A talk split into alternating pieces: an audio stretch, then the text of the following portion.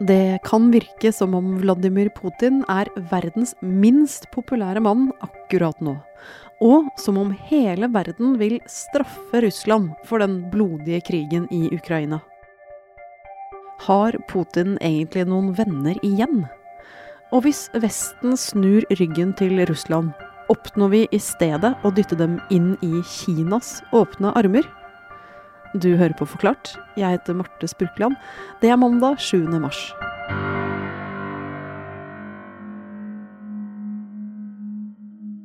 Det tegnes jo et bilde av at eh, Putin er eh, veldig isolert og nærmest eh, styrer Russland på egen hånd, og det kommer rykter om at han nærmest er blitt paranoid. Men han styrer jo langt fra de russiske styrkene og situasjonen i Ukraina på egen hånd. Harald Stolt-Nielsen er journalist i Aftenposten og følger krigen i Ukraina fra nyhetsdesken her. Putin sitter jo i Moskva omgitt av eh, nære støttespillere. Det er oligarker, det er eh, sjefene for etterretningstjenesten og andre viktige støttespillere. Og det er han jo avhengig av nå, nå som han har iverksatt denne massive invasjonen mot uh, Ukraina. Og det er også mange nasjoner som så langt ikke har avvist uh, Russland og Putin helt. The General Assembly is now voting on draft Nei, for onsdag forrige uke samlet FNs 193 medlemsland seg for å avgjøre om Russlands handlinger i Ukraina skulle fordømmes. The result of the vote is as follows. In favor 141, against 5, abstentions og lista over land som stemte for, var lang. 141 land, bl.a. hele Vesten og Norge. Her i Norge, og kanskje spesielt gjennom norske aviser, så får man jo inntrykk av at hele verden er imot uh, Russland og Putin uh, og krigen i Ukraina. Men selv om 141 land er ganske mange, så kom det jo en del overraskelser også over hvem som stemte for Russland, og de som ikke stemte. Og hvilke land var det da som stemte for Russland, eller altså mot at de skulle fordømmes? Det var kanskje ikke de store overraskelsene der. Det var eh, Hviterussland, Syria, Nord-Korea og Eritrea og Russland selv. Hvorfor akkurat disse landene her, da? Dette er jo land som eh, Russland har eh, nære bånd til, og som eh, også frykter en ekspansjon av Nato østover. Og f.eks. Hviterussland kan man jo si har en aktiv del i denne krigen ved at de har latt russiske styrker reise inn i Ukraina via Hviterussland. Og, det russiske luftvernet står også utplassert i Hviterussland. Men det kanskje mest interessante etter avstemningen i FN var de landene som lot være å stemme. På lista over de 35 landene står bl.a. India, Pakistan, Sør-Afrika, Cuba, Irak og Kina. Man skulle jo tro at det at de avstår fra å stemme i eh, FN, eh, kan tolkes som at de ikke er med på fordømmelsen mange av disse landene er jo eh, naturlig, eller historisk sett, eh, nære allierte av Russland.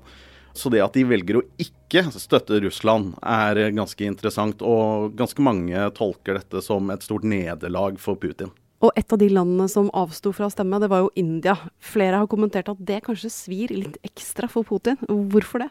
Det er ikke uvanlig at land avstår eh, fra å stemme i FNs generalforsamling.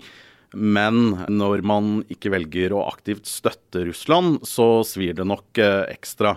India, som eh, beskrives som eh, verdens største demokrati, sitter jo i FNs sikkerhetsråd for tiden. Og der har de ofte stemt sammen med Russland og Kina, og ikke den fløyen som f.eks. Norge tilhører, nå som vi sitter i Sikkerhetsrådet. Det at de velger å avstå fra å stemme, skyldes nok uh, flere grunner, men den viktigste er nok at India og Russland har et veldig tett samarbeid når det kommer til våpeneksport. Russland er den største kilden for våpen for India, og derfor vil det å avstå fra å stemme holde dem på russernes godside. Likevel så er det at de ikke stemmer for uh, den russiske siden, uh, sett på som et uh, nederlag for uh, Putin.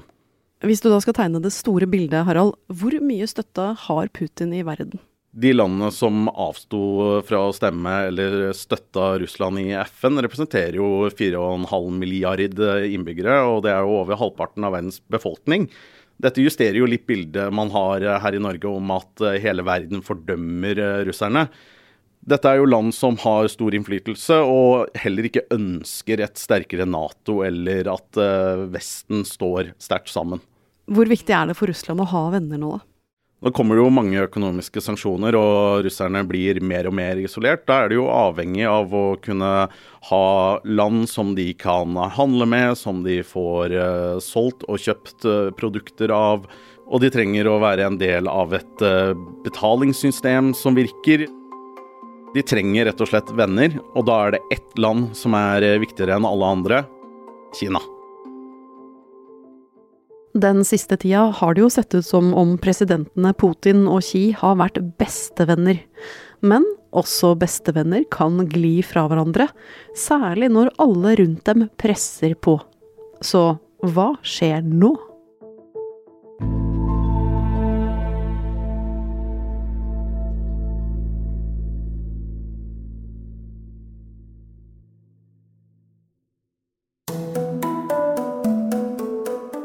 Historisk sett kan du si at forholdet mellom Kina og Russland er som mange andre tette relasjoner. Det er komplisert. Therese Sollien er kommentator her i Aftenposten, med god greie på utenrikspolitikk og relasjoner mellom stormakter. Særlig i årene etter annen verdenskrig så var forholdet veldig dårlig. Altså under det man kan kalle den kalde krigen. Det var preget av liten tillit mellom statsledere som hadde veldig store egoer. F.eks. For eh, formann Mao besøkte daværende leder av Sovjetunionen eh, Nikita Khrusjtsjov, så var han så paranoid at han insisterte på å se at fisken var levende når den gikk oppi gryten, fordi han trodde Khrusjtsjov hadde planer om å forgifte og drepe ham.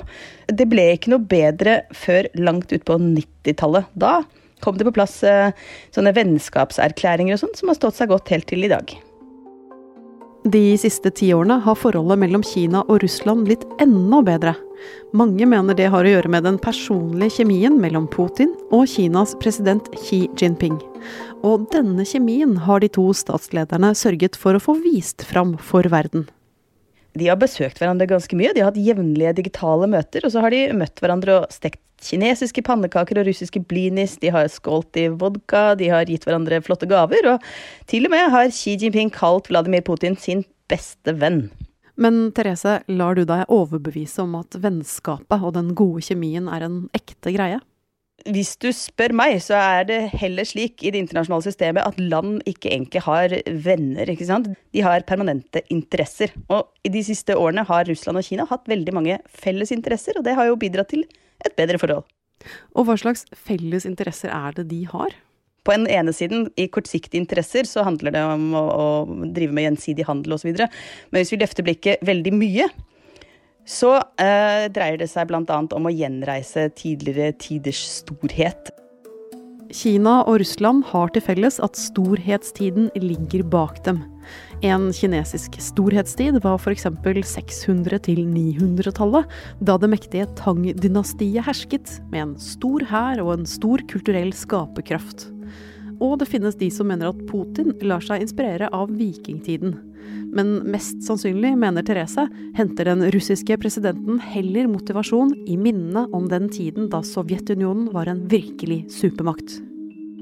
Hvis vi ser tilbake til ca. 2007 eller ganske bestemt 2007. Da holdt Vladimir Putin en tale i München på en sikkerhetskonferanse hvor han tegnet et verdensbilde der Russland ikke var den ydmykede, fattige nasjonen som det var etter at muren falt.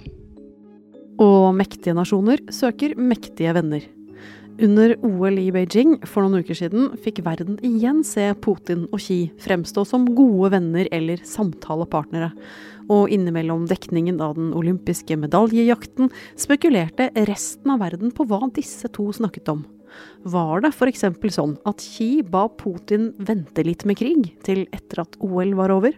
Altså, her er det litt eh, motstridende informasjon. for Hvis man ser på noe av den lekkede kinesiske etterretningen, så er det noe som eh, tyder på at Xi Jinping har bedt Vladimir Putin om å vente med det han hadde forestående i Ukraina, til OL var ferdig. Det er riktig. Det er en del etterretningsinformasjon som peker i den retning. Men det er på den annen side ganske bred enighet blant den såkalte Kina-ekspertisen om at han ikke var fullt innforstått med Eh, at det skulle bli en fullskala invasjon, men at det skulle bli full krig og eh, liksom virkelig rulle inn stridsvognene i nabolandet over hele Ukraina. Det er det derimot ganske mye som tyder på at han ikke visste. Og nå som det er full krig i Ukraina, og den vestlige verden kommer med massiv fordømmelse av Putin, er det også mange som frykter at fordømmelsen skal føre Russland og Kina nærmere hverandre. Og at disse to stormaktene, som drømmer om ny storhetstid, skal bli en farlig og sterk allianse. Therese, hva kan støtte fra Kina bety for Putin, nå som han er såpass upopulær i Vesten? I umiddelbar eh, fremtid så betyr det f.eks. at Kina demmer opp Eh, for virkningene av sanksjonene som Vesten nå innfører. Annet har eh, Kina bestemt seg for å heve taket på hvor mye import av hvete som Kina tillater fra Russland. De kan importere mer olje og gass hvis Europa ikke vil ha det lenger, eh, osv. Men man må jo ikke glemme at det er noen grenser for hvor langt Kina kommer til å støtte Russland på dette, tror jeg, da. Og det fins allerede noen tegn til at Kina og Xi og hans utenriksdepartement og utenriksminister holder på med en aldri så liten snuoperasjon. Det gikk fra å være veldig støttende til Russlands favør. Vi vil jo ikke kalle det som nå skjer for en invasjon, det gjør de fremdeles ikke. Og de også sier at de er imot sanksjoner, fordi sanksjoner har vært prøvd i mange år uten å lykkes osv. Men samtidig de sier veldig eksplisitt de respekterer og anerkjenner Ukrainas territorielle suverenitet, og ber eh, Putin om direkte å forhandle med Ukraina så fort som mulig. Og det er jo ikke sånn. Det er jo ikke veldig vennlig, ikke sant. Et annet sterkt signal var avstemningen i FN forrige uke, hvor Kina altså avsto fra å stemme, og dermed ikke ga noen åpen støtte til Russland. Handler det også om at Kina er opptatt av å ikke komme på kant med andre mulige venner i verden, Therese? For Kina så er det ikke noe sånn ønskesituasjon å bli klistret til eh, Russland som en bestevenn når den internasjonale stemningen overfor Russland er så elendig som den er nå. Fordi Kina handler jo selvsagt ikke bare med Russland. De er også veldig avhengig av at det fortsatt skal være handel mellom eh, Kina og USA og Kina og EU. Og Kina og Ukraina, for den delen. Kina importerte varer fra Ukraina for 19 milliarder dollar i fjor. Så det er betydelig handel mellom de to landene også. Og hvis det skulle bli sånn at Kina blir parkert, altså slått i hardkorn med Russland, så er det fare for at sanksjonene etter hvert også vil rettes mot Kina. Eh, og det er en situasjon Kina ikke ønsker seg. Så på lengre sikt så er de avhengig av at Russland og Ukraina kommer til en, eh, eller annen form for avtale, hvis det hjertelige vennskapet skal bestå.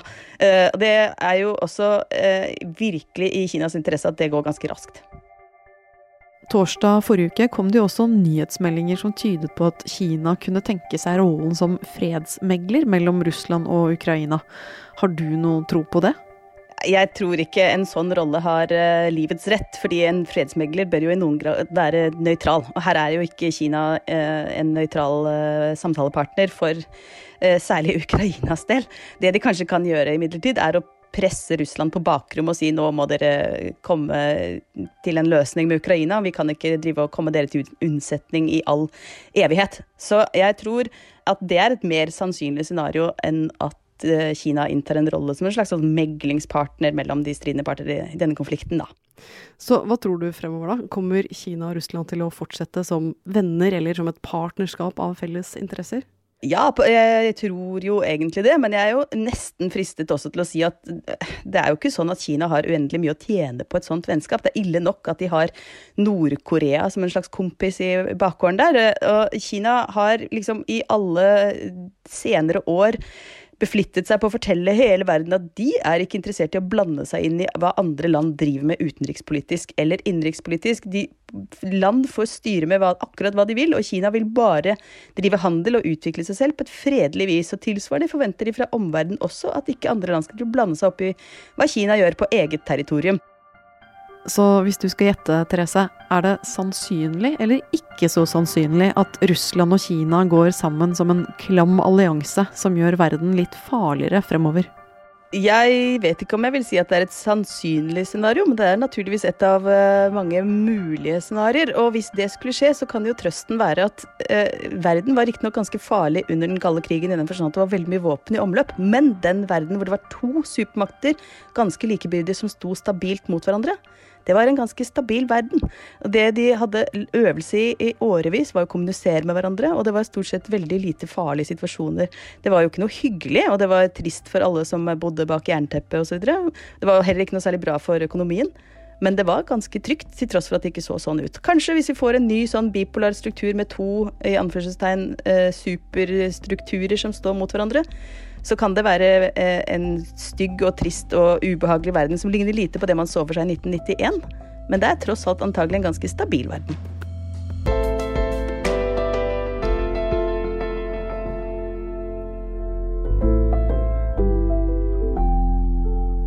Du hørte journalist Harald Stolt-Nielsen og kommentator Therese Sollien om Putins mulige venner i en stabil eller ustabil verden. Og du har hørt lyd fra AP. Denne episoden er laget av den helt stabile gjengen Ulla Kristine Rafaelsen, David Vekoni, Fride Nesten Onsdag og meg, Marte Spurkland. Resten av Forklart er Anne Lindholm, Jenny Førland, Synne Søhol og Anders Sveberg.